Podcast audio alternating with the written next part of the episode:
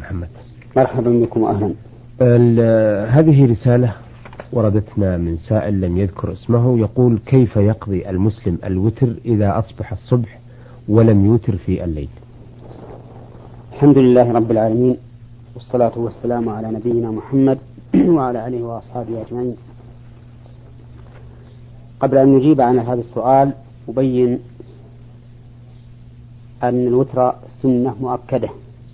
لا ينبغي للمسلم أن يدعه لأن النبي صلى الله عليه وسلم أمر به وفعله حتى ذهب بعض أهل العلم إلى أنه واجب يأثم الإنسان بتركه. وقد نقل عن الإمام أحمد رحمه الله أنه قال من ترك الوتر فهو رجل سوء لا ينبغي أن تقبل له شهادة وهذا يدل على أن الوتر مهم جدا. حتى إن عدمه يخل بقبول شهادة المرء على ما نص عليه الإمام أحمد رحمه الله. كذلك أيضا يفهم كثير من العامة أن الوتر هو القنوت والحقيقة أن القنوت ليس له اتصال بالوتر من حيث كونه شرطا في صحته. بل بل الوتر معناه ختم صلاة الليل بركعة لقول النبي صلى الله عليه وسلم حين سئل ما ترى في صلاة الليل؟ قال صلاة الليل مثنى مثنى فإذا خشي أحدكم الصبح صلى واحدة فأوترت له ما صلى فهذا هو الوتر. وبعد بيان هذين الأمرين وهما تأكد صلاة الوتر وبيان أن القنوت ليس هو الوتر فإننا نجيب على هذا السؤال فنقول إذا فات الإنسان إذا فات الإنسان الوتر في الليل فإنه يقضيه من الضحى ولكنه يقضيه شفعا فإذا كان من عادته أن يوتر بثلاث ركعات مثلا صلى أربع ركعات إذا كان من عادته أن يوتر بخمس صلى ستا وهكذا. لأنه ثبت في صحيح مسلم أن النبي صلى الله عليه وسلم كان إذا غلبه نوم أو وجع من أو وجع يعني عن عن الوتر فإنه يصلي من النهار أو من الضحى ثنتي عشرة ركعة. وهذا في الحقيقة مخصص لقول النبي صلى الله عليه وسلم من نام عن صلاة أو نسيها فليصلها إذا ذكرها. فإن مقتضى هذا الحديث الأخير أن يصلى الوتر على صفته. لكن فعل الرسول صلى الله عليه وسلم خصص هذا الحديث. ووجهه أن الوتر إنما شرع بركعة لأجل أن, يخت أن تختم به صلاة الليل. والآن وقد فات الليل فإنه لا وجه للإيثار فكان مقتضى النظر الصحيح أن تقضى الصلاة ولكن لا على وجه الإيثار نعم. آه سؤاله الآخر يسأل عن آه، سقوط الذباب في الإناء. يقول آه نرجو توضيح أو معنى هذا أو مدى صحة الحديث الذي في معناه. إذا سقط الذباب في طعام أحدكم فليغمسه لأن في أحد جناحيه داء وفي الآخر دواء. آه، أو ما في معناه. آه، ويقول حيث اعترض بعض الأساتذة على عدم صحة هذا الحديث. آه، نرجو تبيين ذلك وفقكم الله. هذا الحديث رواه البخاري من حديث أبي هريرة أن النبي صلى الله عليه وسلم قال إذا وقع الذباب في شراب أحدكم فليغمسه فإن في أحد جناحيه داء وفي الآخر دواء. وقد زاد أبو داود وإنه يتقي بجناحه الذي فيه الداء. وهو حديث صحيح. ولا وجه للاعتراض عليه بعد ثبوته في صحيح البخاري. وكون بعض الناس يقصر نظره عن معرفة الحكمة في هذا الحديث لا يدل على أن الحديث لا يصح عن النبي صلى الله عليه وسلم. وهذه قاعدة ينبغي أن يعرفها كل أحد. أن الرجل إذا قصر فهمه عن حكمة الحكم الشرعي فليتهم نفسه ولا يتهم النصوص الشرعية لأنها من لدن حكيم خبير. وهؤلاء الذين طعنوا في هذا الحديث أتوا من قلة ورعهم ومن قلة علمهم. وإلا فقد ثبت طبا أن في الذباب مادة تكون سببا لمرض البكتيريا وأن هذه المادة تكون في أحد جناحيه. وفي الجناح الآخر مادة أخرى تقاومها. وعلى هذا فيكون الحديث مطابقا تماما لما شهد له الطب. وأيا كان فإن الواجب على المرء التسليم فيما جاء في كتاب الله وفيما صح عن رسول الله صلى الله عليه وسلم وأن لا يحاول توهين الأحاديث الواردة عن رسول الله صلى الله عليه وسلم بمجرد أن فهمه لم يصل إلى معرفة حكمتها. فإن الله تعالى يقول ويسألونك عن الروح قل الروح من أمر ربي وما أوتيتم من العلم إلا قليلا. نعم. نعم. هذه أيضا رسالة وردتنا لم يذكر صاحبها اسمه لكنها فيما أو فيما تدل عليه آه من اليمن. آه يقول في رسالته إذا وقع من دم الذبيحة الخارج من الذبيحة عند ذبحها على الملابس شيء ثم صلى بعد ذلك فهل صلاة المرء جائزة؟ وما حكم هذا الدم من حيث النجاسة؟ هذا الدم نجس. لأنه دم مسفوح.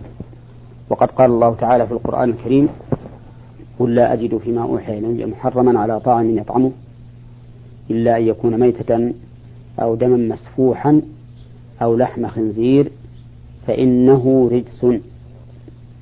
فقوله فإنه رجس يعود على المستثنى السابق وهي ثلاثة أشياء الميتة والدم المسفوح واللحم الخنزير ولحم الخنزير.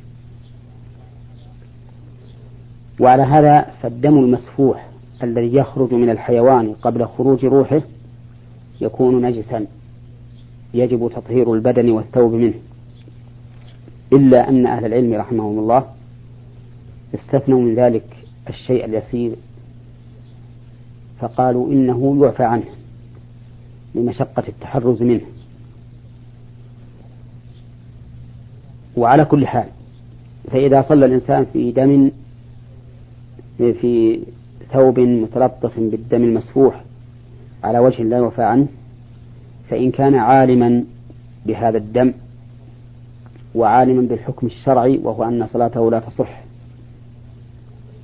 فإن صلاته باطلة وعليه أن يعيدها. وإن كان جاهلا بهذا الدم لم يعلم به إلا بعد صلاته أو علم به ولكنه لم يعلم أنه نجس مفسد للصلاة فإن صلاته أيضا صحيحة. وذلك لأن النبي صلى الله عليه وسلم صلى ذات يوم بأصحابه وفي أثناء صلاته خلع عليه فخلع الناس نعالهم. فقال النبي صلى الله عليه وسلم حين انصرف من صلاته يسألهم لماذا خلعوا نعالهم؟ قالوا رأيناك خلعتنا عليك فخلعنا نعالنا. فقال إن جبريل أتاني فأخبرني أن فيهما أذى أو قال قدرا. فخلعهم النبي عليه الصلاة والسلام ولم يستأنف الصلاة. فدل هذا على أن من صلى بالنجاسة جاهلا بها فإنه لا إعادة عليه. وكذلك من جهل حكمها. ومثل الجهل النسيان أيضا. فلو أصاب الإنسان نجاسة على ثوبه أو بدنه وصلى قبل أن يغسلها ناسيا فإن صلاته صحيحة لعموم قول الله تعالى ربنا لا تؤاخذنا إن نسينا وأخطأنا فقال الله تعالى قد فعلت ولكن نحن ننصح إخواننا المسلمين إذا أصابتهم نجاسة على ثيابهم أو أبدانهم أن. أو مكان صلاتهم أن يبادروا بتطهيرها لأن رسول الله صلى الله عليه وسلم كان هذا هديه. فإنه لما بال الأعرابي في المسجد أمر النبي عليه الصلاة والسلام بذنوب من ماء فأريق عليه. نعم. ولما بال الصبي في حجره دعا بماء فأتبعه إياه. فهذا دليل على أن المرء ينبغي له آه، أن يطهر مكان صلاته وثياب وثيابه وكذلك بدنه مما أصابه من النجاسة فورا لئلا تبقى هذه الأشياء نجسة ولأنه يخشى أن ينسى فيصلي فيها. نعم. فعلى كل حال الذي ينبغي للمرء أن يبادر بتطهير ثيابه وبدنه ومكان صلاته من النجاسة. نعم. آه أيضا له سؤال آخر للمستمع. يقول فيه أرى بعض الأشخاص آه، يبدأ في أداء ركعتين قبل الصلاة وهي قد تكون تحية المسجد أو سنة الظهر أو سنة الفجر وعند شروع أو عند شروعه فيها على الأقل يقرأ الفاتحة يقيم المؤذن لصلاة التي آه، بعد هذه النافلة. فيلجأ ذلك الشخص إلى التسليم حالا وهو واقع أو وهو واقف ثم يشرع مع الإمام في الصلاة. فما حكم ذلك؟ هل يجوز؟ وهل عليه شيء في ذلك أم لا؟ هذه المسألة اختلف فيها أهل العلم. إذا كان الإنسان في نافلة ثم أقيمت الصلاة فهل يقطع تلك النافلة ويدخل مع معهم؟ أو يستمر في صلاة النافلة مخففا لها وموجزا لها؟ وأصل اختلافهم هذا قوله صلى الله عليه وسلم فيما صح عنه. من حديث أبي هريرة إذا أقيمت الصلاة فلا صلاة إلا المكتوبة. فإن قوله فلا صلاة إلا المكتوبة ذهب بعضهم إلى أن المعنى فلا ابتداء صلاة إلا المكتوبة. نعم. لأن الإقامة إعلام بالقيام إلى الصلاة. فكأنه صلى الله عليه وسلم يقول إذا أقيمت الصلاة فلا تشرعوا في صلاة بعد هذه الإقامة التي قصد بها الصلاة الحاضرة لا تشرعوا في صلاة بل اجعلوا الصلاة هي التي أقيمت لها. ولهذا روي في الحديث فلا صلاة إلا التي أقيمت. وذهب آخرون إلى أن قوله فلا صلاة أي فلا صلاة ابتداء ولا استمرارا. فعلى الرأي الأول يكون منهي عنه ابتداء الصلاة. نعم. فإذا كان في, في قد شرع في الصلاة فإنه يتمها خفيفة. وعلى الثاني يكون منهي عنه الصلاة ابتداء واستمرارا. فإذا أقيمت الصلاة وهو في نافلة وجب عليه قطعها. وعندي والعلم عند الله سبحانه وتعالى أنه إذا كان في الركعة الثانية إذا أقيمت الصلاة والإنسان في الركعة الثانية من النافلة نعم. فإنه يتمها خفيفة. وإن أقيمت وهو في الركعة الأولى فإنه يقطعها. أذهب إلى هذا لأن النبي صلى الله عليه وسلم قال من أدرك ركعة من الصلاة فقد أدرك الصلاة. وهذا الذي صلى ركعة من النافلة قبل وجود المانع وهو إقامة الصلاة يكون قد أدركها فليتمها. وأما إذا كان لم يصلي ركعة كاملة فإن مفهوم قوله من أدرك ركعة من الصلاة فقد أدرك الصلاة أنه لم يدرك زمنا تكون فيه هذه الصلاة مباحة فيقطعها ويدخل مع الإمام. نعم. وعند قطعها لهذا السبب أو لغيره عند قطع الصلاة لهذا السبب أو لغيره فإنه يخرج منها بدون سلام. لأنه لا أعلم سنة في أن الرجل إذا أراد أن يخرج من صلاته قبل تمامها يسلم. ولهذا الصلاة تقول عائشة رضي الله عنها فيما رواه مسلم وكان يختم الصلاة بالتسليم. يختم الصلاة. فالتسليم ختام الصلاة. وكذلك في السنن أن النبي صلى الله عليه وسلم قال تحريمها التكبير وتحليلها التسليم. فهي إذن آه، لم يصل إلى حد يتحلل منها ولم يصل إلى ختامها. فلا يشرع السلام بل ينصرف بدون أن يسلم نعم. نعم.